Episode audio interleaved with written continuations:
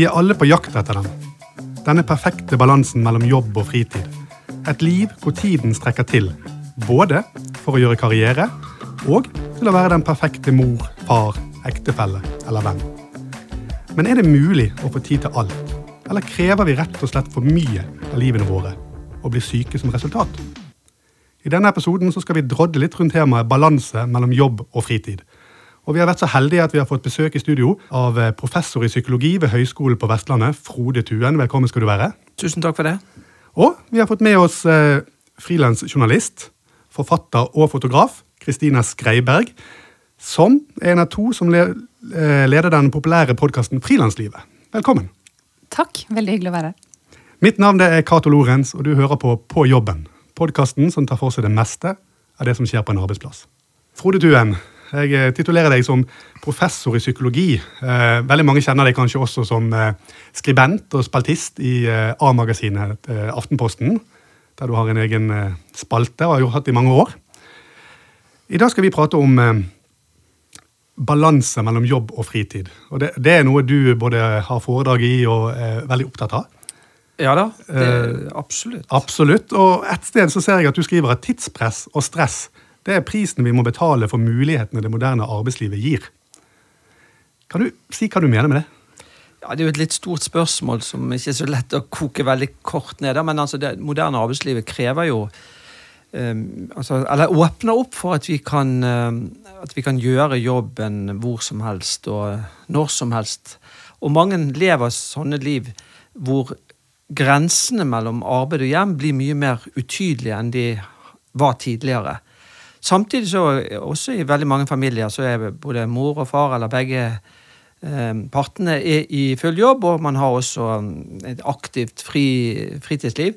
Og det å få den kabalen til å gå opp er, er, krevende. og Samtidig så er det jo sånn vi ønsker å ha det uh, på mange måter. Vi ønsker å realisere oss på jobb, og vi ønsker å ha et godt uh, og aktivt fri, fritidsliv.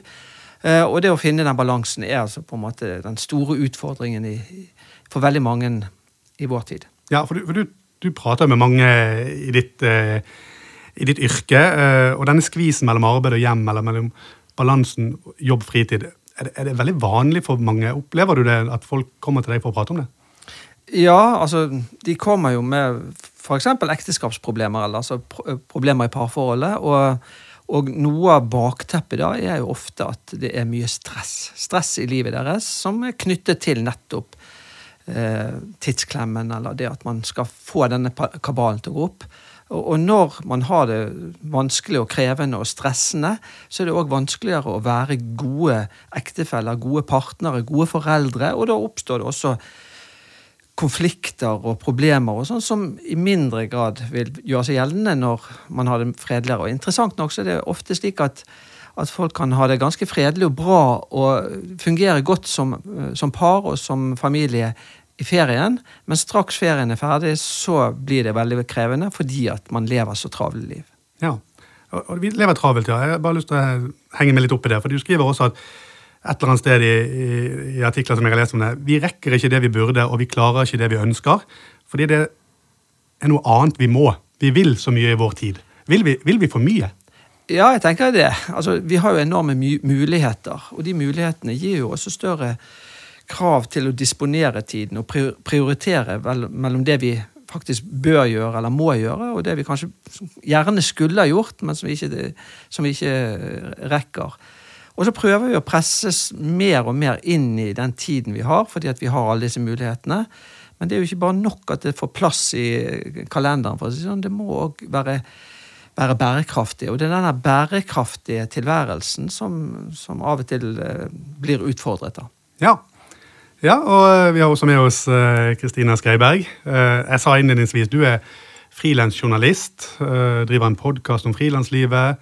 I 2016 ble du også kåret til Årets frilanser. gratulerer med det. Tusen takk. Men, men, du har merket på noe av dette som Frode snakker om, og som vi snakker om innledningsvis her. Du har merket på stress knyttet til arbeidet ditt. Kan du fortelle litt om det? Ja, altså Først og fremst så kjenner jeg meg jo veldig igjen i det å ha så mange muligheter. Eh, og selv er jeg en person som eh, jeg vil så mye, og det tror jeg så mange kjenner på. Og de siste årene så tror jeg jeg har hatt samme nyttårsforsett hvert år, og det er å gjøre mindre. Og påta meg mindre. Si mer nei. Og det sier jo litt om på en måte hvor vi er. At det er ambisjonen. Um, men ja, eh, og også som frilanser, men det tror jeg gjelder eh, om man jobber som frilanser eller ikke, så det der skillet mellom jobb og, eh, og egentid, eller fritid og familietid, det ja, viskes så lett ut. Altså, vi har mobiltelefonene tilgjengelig, vi, har, vi kan legge barna samtidig som vi får en e-post om noe viktig som skal skje på jobben i morgen, eller noe du burde ha levert til på kvelden, osv. Så, videre. så det er vanskelig, det der, altså. Mm. Og, ja. og, og, vanskelig var det også for deg. Jeg, eh, jeg hørte på en av episodene du, du sjøl har snakket åpent om dette, så da tør jeg å spørre om det. Men, men eh, det er vel noen år tilbake, i 2016, så, så, så, kjente du på noe. Du, eh, du beskriver det i podkasten som høy puls. Klarte aldri å hvile selv når du hvilte. Um, hjertebank, vondt i rygg.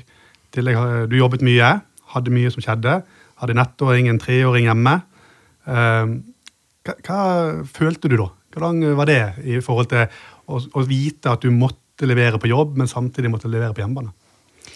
Ja, altså, jeg syns vel, når jeg ser tilbake, at det var vanskelig å justere livet fra det å kunne gjøre hva man vil og eie sin egen tid eh, før jeg fikk barn, og det å få først ett barn, og så et barn til, og så eh, finne ut hvordan skal alt dette gå opp. Og det tok meg noen år. Eh, men så jobbet jeg jo med dette prosjektet som jeg ga, eller resulterte i prisen Årets frilanser, så man kan jo kanskje si at det var verdt det, fordi noen ganger så koster det jo en del eh, å hive seg ut i å realisere egne drømmer og prosjekter. Men eh, jeg hadde da i 2016 en utstilling og ga ut min første bok.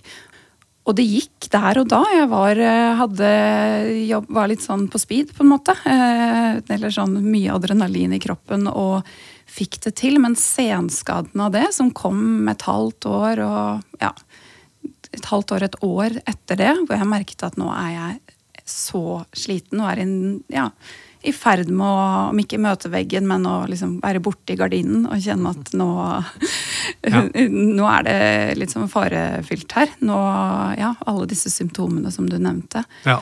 Og vi kan, vi kan, snakke litt mer om eh, hva du lærte av det, og hva grep du gjorde. For det, for det, er interessant å høre. For det tror jeg veldig mange kan kjenne seg igjen i det du prater om her nå. Utvilsomt. Nesten som jeg kjenner litt på det sjøl. Men eh, tro det.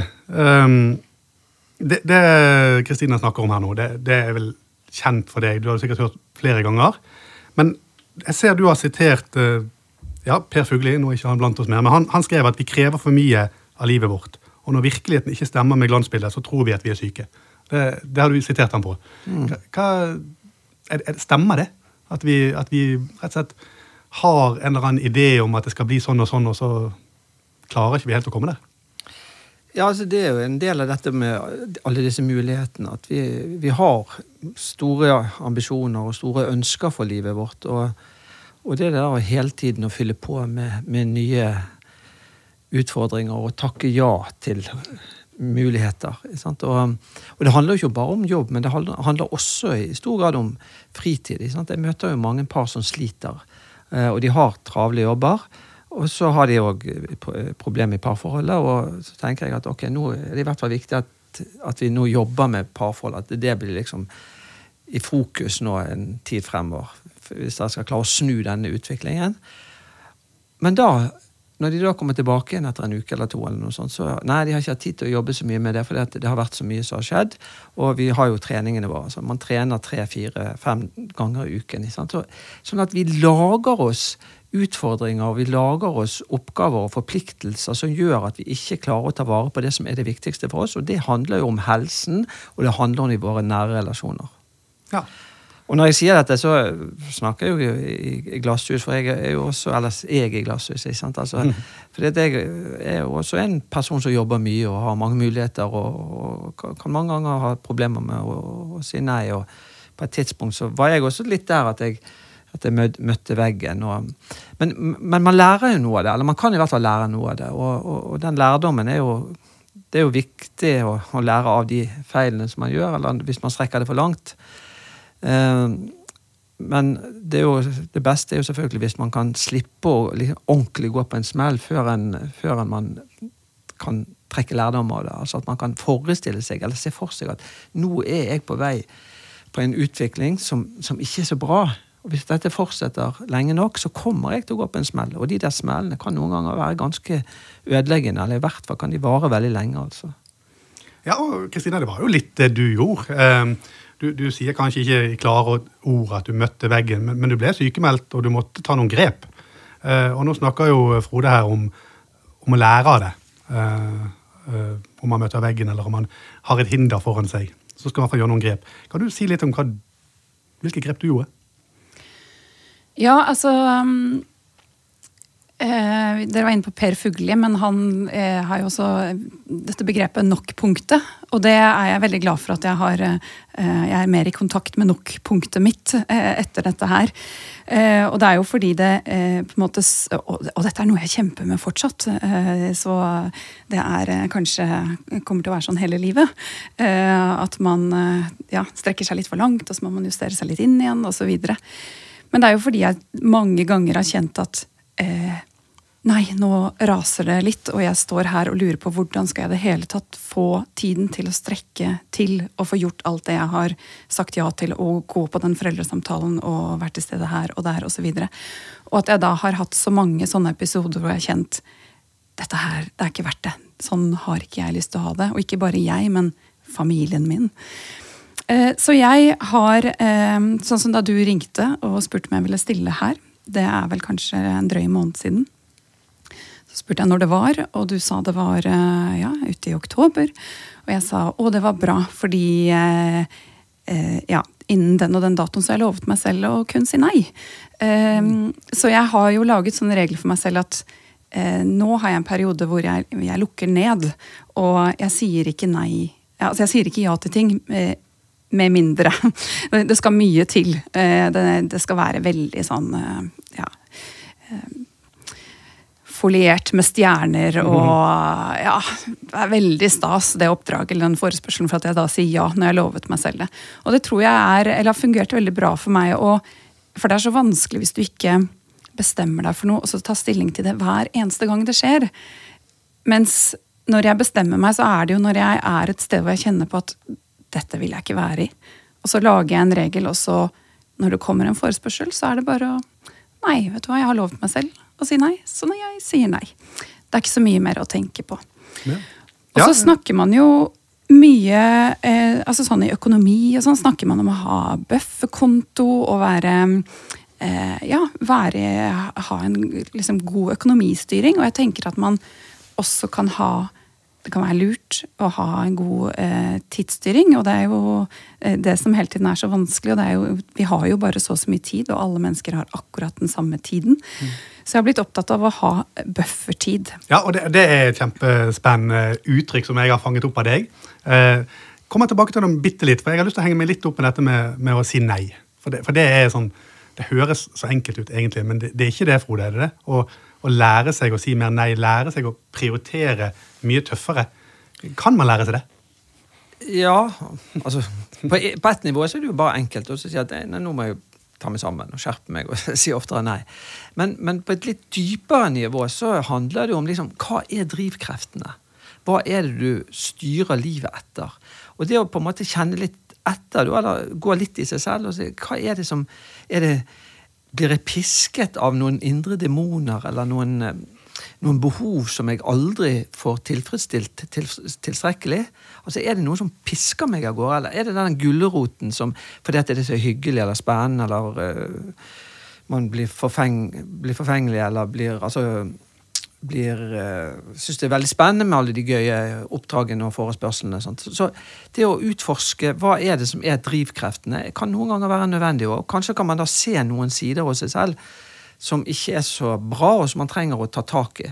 Sånn at det ikke bare å si nei, men òg å vite noe om liksom, hvorfor sier jeg så sjeldent nei, eller så ofte ja, mens jeg vet at jeg burde si nei oftere. Mm. Men det er jo interessant, fordi Spørsmålet blir jo hvor masse man klarer å, å påvirke seg sjøl. Nå sier jo Kristine her også at dette må hun jobbe med hele tiden. Um, og, og, Du er jo psykolog og, og kan mye om dette. Nå spiller jeg kanskje et veldig vanskelig spørsmål, men, men er disse tingene knyttet litt til personligheter òg? Ja, ja, absolutt. Ja. Absolutt.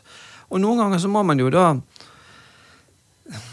sjekke ut altså hva er det med min personlighet som gjør at jeg kommer i disse situasjonene. Og er det noe jeg kan gjøre noe med? Og, og det kan man jo. Altså Man kan jo ikke endre sin grunnleggende personlighet, men man kan endre, eller i hvert fall utfordre seg på sine verdier og sine livsmål. Hva er viktig i, i, livet mitt, og hvorfor er det viktig? Så det å ha en, en litt sånn innsiktsfull dialog med seg selv, og gjerne sammen med noen som står en nær, eller en terapeut, for å prøve å forstå hva er det som er drivkreftene mine, og trenger det å være sånn, eller burde jeg eh, justere de drivkreftene, eller regulere de på en bedre måte enn det man gjør.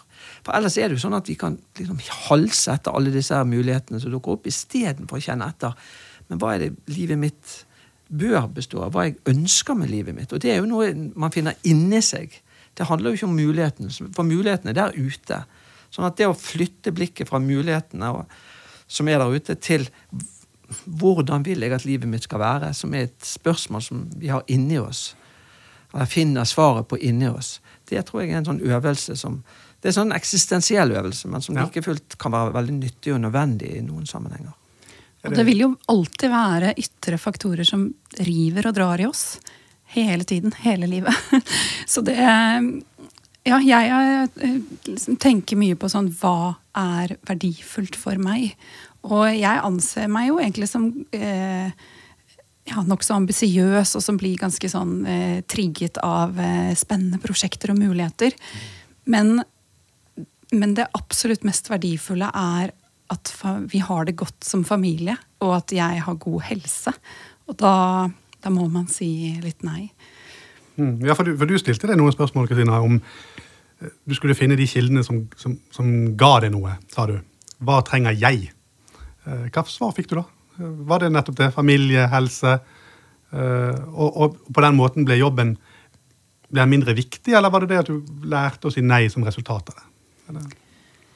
Jobben vil nok alltid være viktig, ehm, men jeg tror jeg bare tok en liten sånn realitetsorientering i det å være småbarnsmor. Så er du, og og andre perioder i livet, så er du kanskje på et sted hvor du ikke kan gjøre alt. Og summen av alt det som virker spennende som sånne enkeltstående ting, eh, er ikke gøy, ble det ikke for meg. Eh, Det er nesten som en sånn ligning at eh, pluss, pluss, pluss eh, blir faktisk minus. Eh, At det ikke blir noe bra likevel. Så ja, nå rota jeg meg litt bort. Men å finne, ja, finne frem til verdien. Og ja, jeg tenkte at det, nå er det kanskje ikke jeg som skal gjøre de mest spennende tingene. Nå tar jeg kanskje noen steg tilbake. Og eh, jeg har jo behov for å gjøre ting som fortsatt gjør at min jobb gir meg masse mening. Men eh, kanskje tenke at livet mitt forhåpentligvis er langt, og at jeg nå liksom senker skuldrene i noen perioder og ikke jager så mye. Og velger litt med omhu og velger å ha en litt roligere puls. Men det er jo kanskje en sånn typisk småbarnstilværelse hvor, som jeg fortsatt er i, men snart er i ferd med å gå ut av den, hvor de barna er minst og er på deg hele tiden. Men jeg tror man har sånne perioder mange ganger i livet hvor man kanskje må bare ja, gå noen skritt tilbake. Ja. Eh, Frode, er det, er, det, er det riktig dette her? Er dette en sånn type erkjennelse du snakker om, der man eh, blir litt mer kjent med seg sjøl for å finne ut av hva man ønsker å prioritere? For, man rekker jo ikke alt. Nei, altså, og det krever jo på en måte en bevissthet eh, og, og en mer modenhet i sitt eget liv. Da. Um, altså, tidligere, sant, når man jobbet altså Arbeidslivet var mye mer preget av at man jobbet på et fysisk sted, og så jobbet man mellom åtte og fire, og så var man ferdig. Sant? Så var det jo på en måte disse tiden og den geografiske plasseringen satte noen grenser. Mens i dag er det veldig mange som ikke har de grensene, de grensene hvert fall mye mye mer utflytende mellom arbeid og hjem. Og da må vi sette de grensene inni oss. Det er vi som må sette de grensene selv, for oss selv. Og da tenker jeg nå liksom, som, som du gjør, sant? at liksom, ok, hva skal jeg prioritere nå, eller hva skal være viktig i denne fasen? Eh, kanskje kan jeg ha et annet liv eller litt andre typer prioriteringer om et år eller om fem år eller ti år. alt dette sånn. Men det å liksom tenke igjennom hvor er jeg nå? Er jeg på en bærekraftig utvikling, eller er jeg i ferd med å brenne lyset i begge ender? Det er jo sånne ting.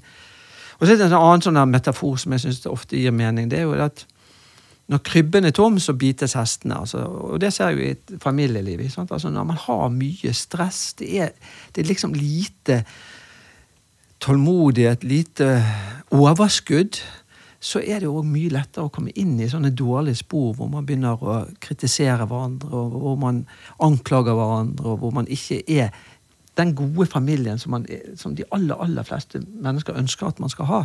Sånn, så igjen, er, er liksom krybben tom her, så må vi jo sørge for at den blir fulgt opp. Og det kan man gjøre ved å roe ned. altså Det er jo i hvert fall det første eh, skrittet.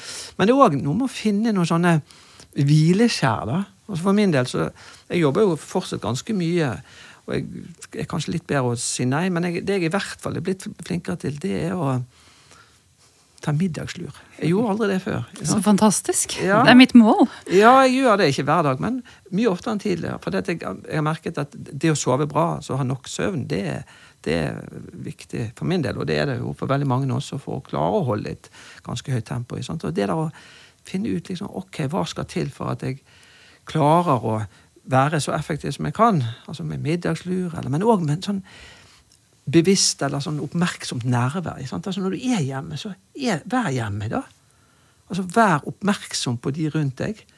Istedenfor at man går liksom sånn ikke til stede og ikke klarer å respondere på en bra måte når man er hjemme, fordi at man er så ah, inne i jobben sin og drar jobben med seg. Sant? Og så når man kommer på jobb, så har man jo alle disse bekymringene hjemme som drar med seg. Sant? Det å rydde på en måte Nå er jeg hjemme, og da skal jeg være hjemme fullt og helt. I hvert fall en, en stund sammen med, med, med, barna og med ektefellen eller partneren. Og sånt. Og så kan jeg kanskje jobbe litt igjen. Altså man, man, man, må skape de rommene og grensene mye mer aktivt og bevisst enn det man trengte før. Mm. Ja, interessant. Ja. Absolutt. Eh, eh, jeg har lyst til å høre med deg òg, Kristina. fordi ok, du, du, kjente at du måtte gjøre noen grep. Du har fortalt oss litt om hva, hva som var viktig for deg. Du sa vel også noe som, som Frode sa her, at søvn var, var, avgjørende. Få nok søvn for å kunne prestere.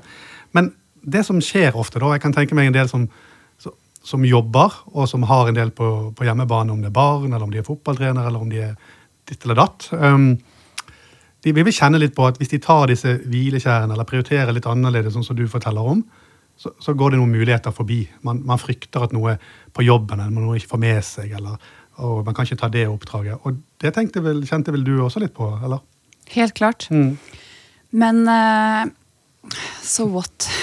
altså Det vil alltid være noen muligheter som går forbi. Og ja, så tenker jeg litt sånn det er, det er ikke så farlig. Og så er det jo selvfølgelig litt farlig, ja. Fordi man ser noen andre kanskje har gjort noe du kunne vært med på, eller noen andre får en synlighet, eller ja, blir forfremmet på jobben. Det, det er mange, mange ting man kunne tatt del i. Men ja, jeg har tenkt litt sånn Det So what? Men jeg har fått reaksjoner fra en del venninner som har eh, hatt innstillingen Men hvis du skal ta det roligere, burde ikke Hvorfor er det ikke din mann som skal ta det roligere? Eh, og nå er vi i en ganske Eller jeg vil si veldig likestilt eh, et likestilt parforhold både på hjemmebane, og vi anser jobbene våre som like viktige. Eh, og vi like, er like mye hjemme sykt barn, og vi, eh, vi prioriteres på en måte likt og står nok ganske likt karrieremessig. Og det, det, tror jeg jo hjelper veldig. Hadde mannen min ligget milevis foran meg og jeg hadde følt at nå taper jeg mye ved å være den som trekker meg tilbake, så hadde det kanskje vært noe annet. Men, men min innstilling oppi det her har vært at jo, men jeg gjør det jo for meg. Uh, og selvfølgelig også for familien, og de, de, får det bedre ved at jeg har det bedre. Men at uh, det er jo først og fremst et uh, personlig valg at jeg vil ha et, en roligere puls. Og ja, og vil jobbe litt mindre i en periode, eller vil eh, gjøre ting som ikke krever alt av meg, da. Men jeg, jeg har jobbet sånn 100% og så men i andre perioder så har jeg på en måte gitt alt i prosjekter og jobbet mye kveld osv. Der har jeg også laget regler. Jeg vil ikke jobbe på kveldene. og Jeg vil ikke jobbe i helgene. Og så fins det unntak hvor man bare må det fordi det, dette er jo noe man ja, som sagt alltid kjemper med, men ja. Men, men, men det du sier der med altså det der å ha den der likeverdigheten i forholdet sånn, tenker jeg, at det er kanskje særlig utfordrende hvis den ene eller begge for den saks skyld er frilansere. For da har man på en måte, man skal hele tiden skape sin egen jobb. Det må være spesielt utfordrende, ikke det? Eller hva, hva vil du si om det? Ja, det er mange som har sagt at å, men når barna er syke, så blir det vel du som er hjemme, fordi mm. du har jo ikke en jobb. Eh, du er jo Mannen din må jo på jobb. Men jeg har jo i aller høyeste grad en jobb. det er bare at jeg har mange jobber. Eh, men det tror jeg mange som er eh, ja, selvstendig næringsdrivende eller har eh, Kanskje ikke har måte etablert jobbsituasjonen sin så godt, syns er vanskelig å stå på og si at jo, men min jobb er like verdifull. Det er viktig at jeg også får gått på jobb, selv om jeg ikke helt vet hva jeg skal gjøre i dag. Men, eh, men, nå har jeg jobbet i nesten 15 år som frilanser og har, eh, har, skapt de der ytre rammene eh, som andre arbeidstakere har. Jeg har et kontorfellesskap. Jeg går dit klokken ja, mellom åtte og ni en gang. Kommer hjem klokken fire-fem. Um, så jeg har skapt et, en A4-ramme rundt det. og så ja, Men jeg tror for mange så kan det være en utfordring. For det jeg ser i hvert fall er at folk som jobber hjemme. Da. Det kan være frilansere, men det kan også være vanlige altså arbeidstakere men som har en god del tid som man jobber hjemme. Og Da blir denne grensen mellom arbeid og hjem enda mer utydelig. For da, da, er du egentlig hjemme, og du burde kanskje da ha tatt ut av oppvaskmaskinen. Eller, altså alle de der daglige greiene som, som man forventer.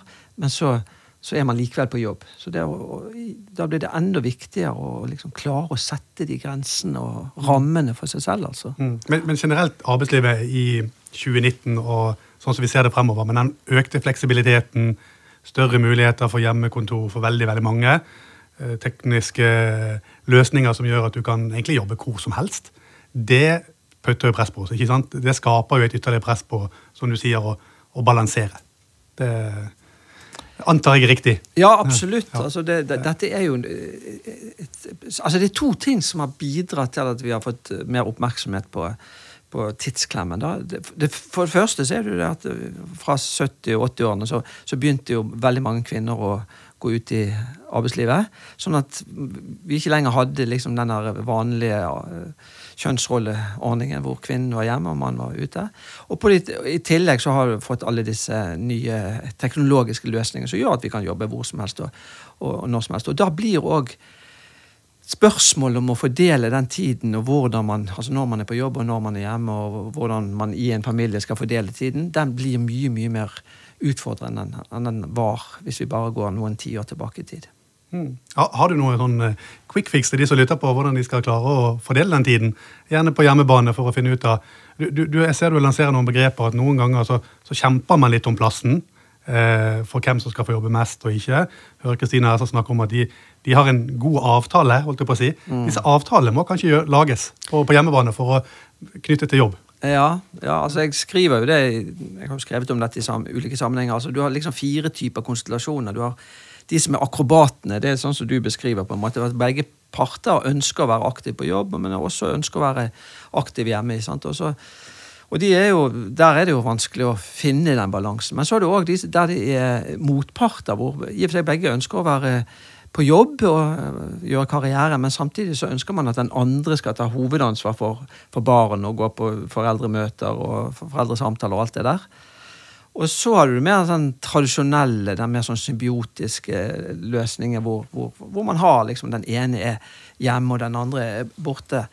Um, og, og, og, det er jo ikke så mange som har det som en sånn varig situasjon i dag, men når man er hjemme med små barn, altså med, med, med, kontantstøtten, så er det jo stort sett mor som da velger å bruke tiden med kontantstøtten, og far er i jobb. Og da forsvinner noe av liksom den der eh, denne motsetningen. Så det å finne ut liksom, hvor er vi, hva er, hva er våre Hvordan organiserer vi det, og hvordan kan vi organisere det på en bedre måte? Og det krever altså at man er åpen om situasjonen, eller at man liksom tar tak i det på et bevisst nivå. altså At det ikke bare er noe som bare flyter. Det er jo det som ofte gjør. altså at det bare flyter, Man tar ikke tak i det. Og så krever det også at man har evne til å kommunisere om det som kanskje er litt sånn motsetningsfylt. For Særlig hvis man har litt ulike ønsker eller ulike preferanser, eller at man står litt fra hverandre, så krever det at man er villig til å høre på hverandre og villig til å komme inn i en god dialog rundt, og ikke, at det ikke blir sånn angrep eller forsvarsposisjon som, som dessverre av og til skjer i familien når, når krybben er tom. da. Jeg kjenner meg jo veldig igjen i denne akrobaten.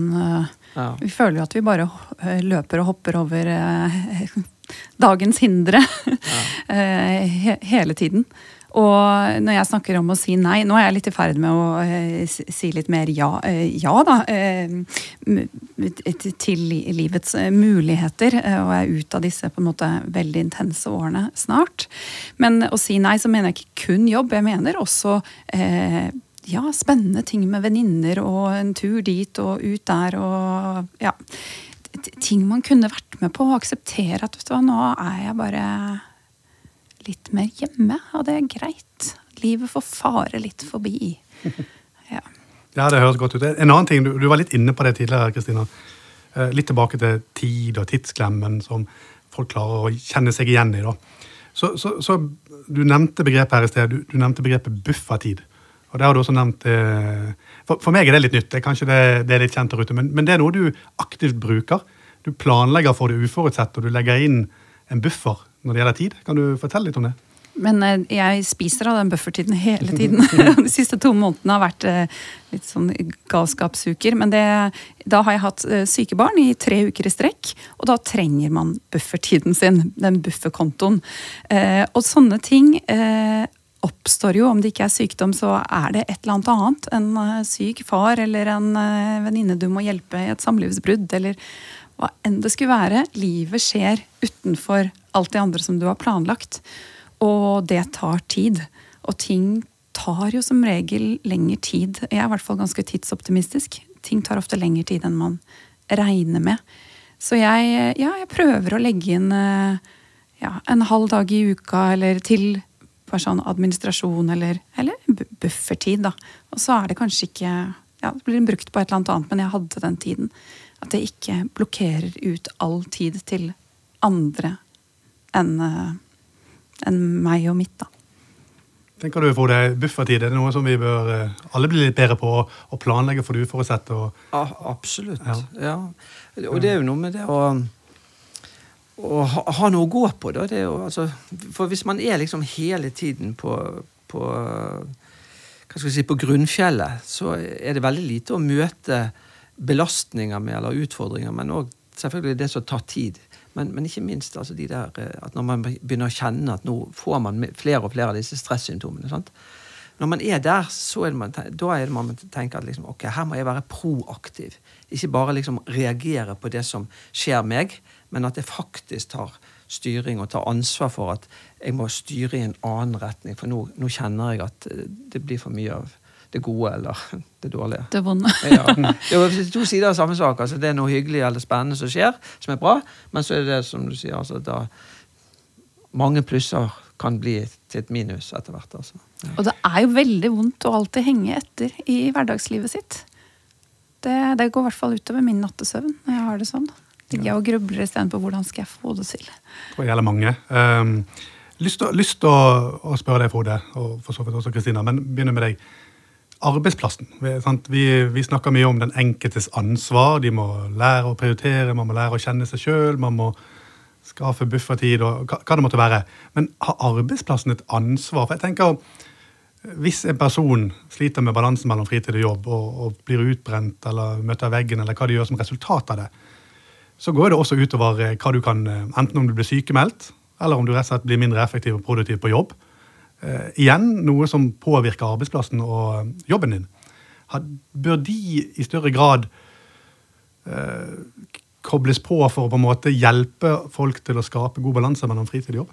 Absolutt. Og mange bedrifter gjør jo det i større eller mindre grad. Men, men, det er mange som da ikke gjør så mye som de kanskje burde gjøre. Og det, det er flere grunner til at de burde gjøre det. For det første så er det jo altså på bunnlinjen. Det er ikke bra med arbeidstakere som er sykemeldt, eller som er, går på halv maskin. Det har man påvist i mange undersøkelser, f.eks. skilsmisser, som er typisk sånn privat anliggende, men som gjør at 25% blir langtidssykemeldt. Det er ikke bra for en bedrift. Eller 80% går på har redusert innsats i en, en periode etter samlivsbrudd. Og på samme måte med andre typer som personlige konflikter eller utfordringer. Og bedrifter er noen bedrifter tar tak i det og ser at dette her er noe vi må, vi må strekke oss, eller vi må komme denne arbeidstakeren i møte. Må finne måter som gjør at, at eh, det fungerer så bra som det kan. Og så er det andre bedrifter som sier at nei, men det der får du finne ut av sjøl. Og det, det, man vet, og det man ser, er jo at de bedriftene, eller de lederne som tar tak i det, det skal ofte ikke så veldig mye til. Altså Bare det at man opplever å bli sett, og opplever at dette er noe jeg kan snakke med min leder om, og så finner vi en annen løsning det gjør en veldig stor forskjell hvis man opplever at dette er det ingen gehør for, eller det er ikke noe kultur for å komme med den typen bekymringer eller opplevelser i en arbeidsplass, så eh, blir problemene også verre. Så arbeidskulturen og hvordan man blir møtt av sin linjeleder spesielt, da, er veldig avgjørende for om dette er noe som blir et lite problem for en selv, men òg for bedriften, eller det kan bli et mye større problem. Ja, og, og, da tenker jeg, Du knytter det opp til kultur og organisasjonskultur. og, eh, og, da må det også en medvirkning til regner jeg med, for å på en måte si hvordan gjør vi det hos oss. Eh, hva gjør vi når dette skjer? Hvordan vil vi ha det? Og Det er jo et sånn felles anliggende ja, som, som, bør være foran i pannevasken for mange ledere. vil jeg tro. Ja, jeg synes det, og, og, det er interessant. altså, altså Arbeidslivet har jo utviklet sånn Akan-program i forbindelse med alkohol. og Det er innarbeidet. Man har gode systemer og rutiner. og og fange opp den typen problem og ivareta det. Men tross alt så er det jo relativt få som har så store alkohol- eller narkotikaproblemer at det angår eh, arbeidsplassen, men like fullt har man et apparat. Det som derimot er veldig vanlig, at man i perioder kjenner at dette blir for mye av ulike grunner. Eh, det som nesten alle opplever en eller annen gang i løpet av livet, det har man ikke noen rutiner og system på. Det er veldig tilfeldig hvordan den enkelte bedrift eller den enkelte leder forholder seg til det. Samtidig så vet vi gjennom forskningen at bedriftskulturen er avgjørende for om folk blir utbrent, og hvordan de blir fulgt opp og kommer tilbake igjen i etterkant av en utbrentetssituasjon. Så her er det faktisk ganske mye bedrifter kan gjøre og bør gjøre, uten at man da skal likevel, eller uten at man skal ta over ansvar for folks privatliv. Men man skal forholde til, seg til at dette er noe som påvirker arbeidssituasjonen. Og det, altså det er en vinn-vinn-situasjon. Hvis arbeidstakeren klarer å håndtere situasjonen eller utfordringene, så er det best for bedriften også. Ja. Nå er kanskje ikke det for, for du som jobber som frilanser, Kristina, så, så, har du på en måte ikke en, du har mange arbeidsgivere. Uh, men, men, igjen, det er jo uh, det er kanskje enda større krav til, til deg, det. Uh, kunne... Ja, altså Min leder spør meg om dette hele tiden. Altså meg, jeg spør jeg. nei, og Det er jo kanskje derfor at man blir litt sånn tvunget til å ha et sånt indre kompass når man driver for seg selv, hvis man skal ha det bra med å drive for seg selv. Men ja, som frilanser og har mange oppdragsgivere, så tror jeg man kan lett føle seg eh, isolert og frakoblet dette eh, arbeidslivet. Um, men jeg tenker jo at eh, så lurt det ville vært om noe sånt hadde, det hadde vært litt uh, mer informasjon om det her. Men det er nok kanskje mange ledere som er redd for å spørre hvordan har du det egentlig? Går det bra hjemme på hjemmebane? Jeg tror det er flere grunner til det. Altså, det ene er at de samtalene er litt sånn de er litt vanskelige. Det er ikke så godt å vite hvis personen sier at nei, det går ikke så bra. Hva blir oppfølgingsspørsmålet? Mange, mange, føler seg ukomfortable i den typen samtaler og, og tema. Og det andre er jo liksom Men hva skal jeg gjøre med det? Hva skal jeg gjøre med det? Hvis det kommer for en dag. Eh, og da tror jeg at man som leder og bedrifts, altså bedrift generelt skal på en måte senke skuldrene litt og si at det at vi har en åpenhet rundt om dette, rundt at noen i perioder har problemer med å få liksom, den kabalen til å gå opp. Og det kan påvirke arbeidsevnen, tilstedeværelse. Det faktum at vi bare setter det på dagsordenen, at det er et tema vi kan snakke om, det er i seg sjøl kanskje det aller viktigste eh, virkemidlet en bedrift kan, eh, kan, sette i verk. Altså ha en åpen og inkluderende og forståelsesfull bedriftskultur rundt sånne spørsmål. Og så kan man selvfølgelig også ha noe sånn policy på ok, hvordan forholder man seg til det. Altså Tilbyr man terapihjelp til de som eventuelt måtte trenge det? Har man muligheten for at man kan få gå på redusert lønn eller arbeidstid en periode, eller tilpasse arbeidsoppgavene?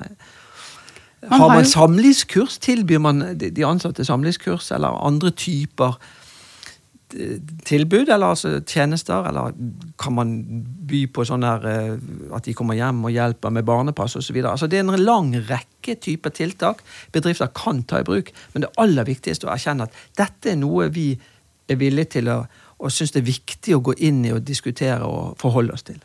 Man har jo sånn fysioterapeuter som kommer på jobben. Man kunne jo kanskje like gjerne hatt en sånn bedriftspsykologen Ja. som er tilgjengelig Ja. et par timer i uka. Ja, Ja. Det, det er det noen som gjør, faktisk. Ja. Uten at jeg skal nevne hvem de er. Men, eh, ikke så dumt uh, det det. Eh, til slutt, nå ser jeg på klokken. Den, den går. Det gjør den heldigvis. Eh, lite sånn typisk avslutningsmåte. Det er ditt siste råd. Eh, de som lytter på her. Si, si det er noen som lytter på som, som, som, er, som sliter litt med den balansen jobb-fritid. Eh, de har ikke møtt veggen ennå, og vi skal ønske at de skal på en måte klare det før de møter veggen, men de er på vei til veggen. Hva vil du si til de, Frode? Eh, hva kan de gjøre?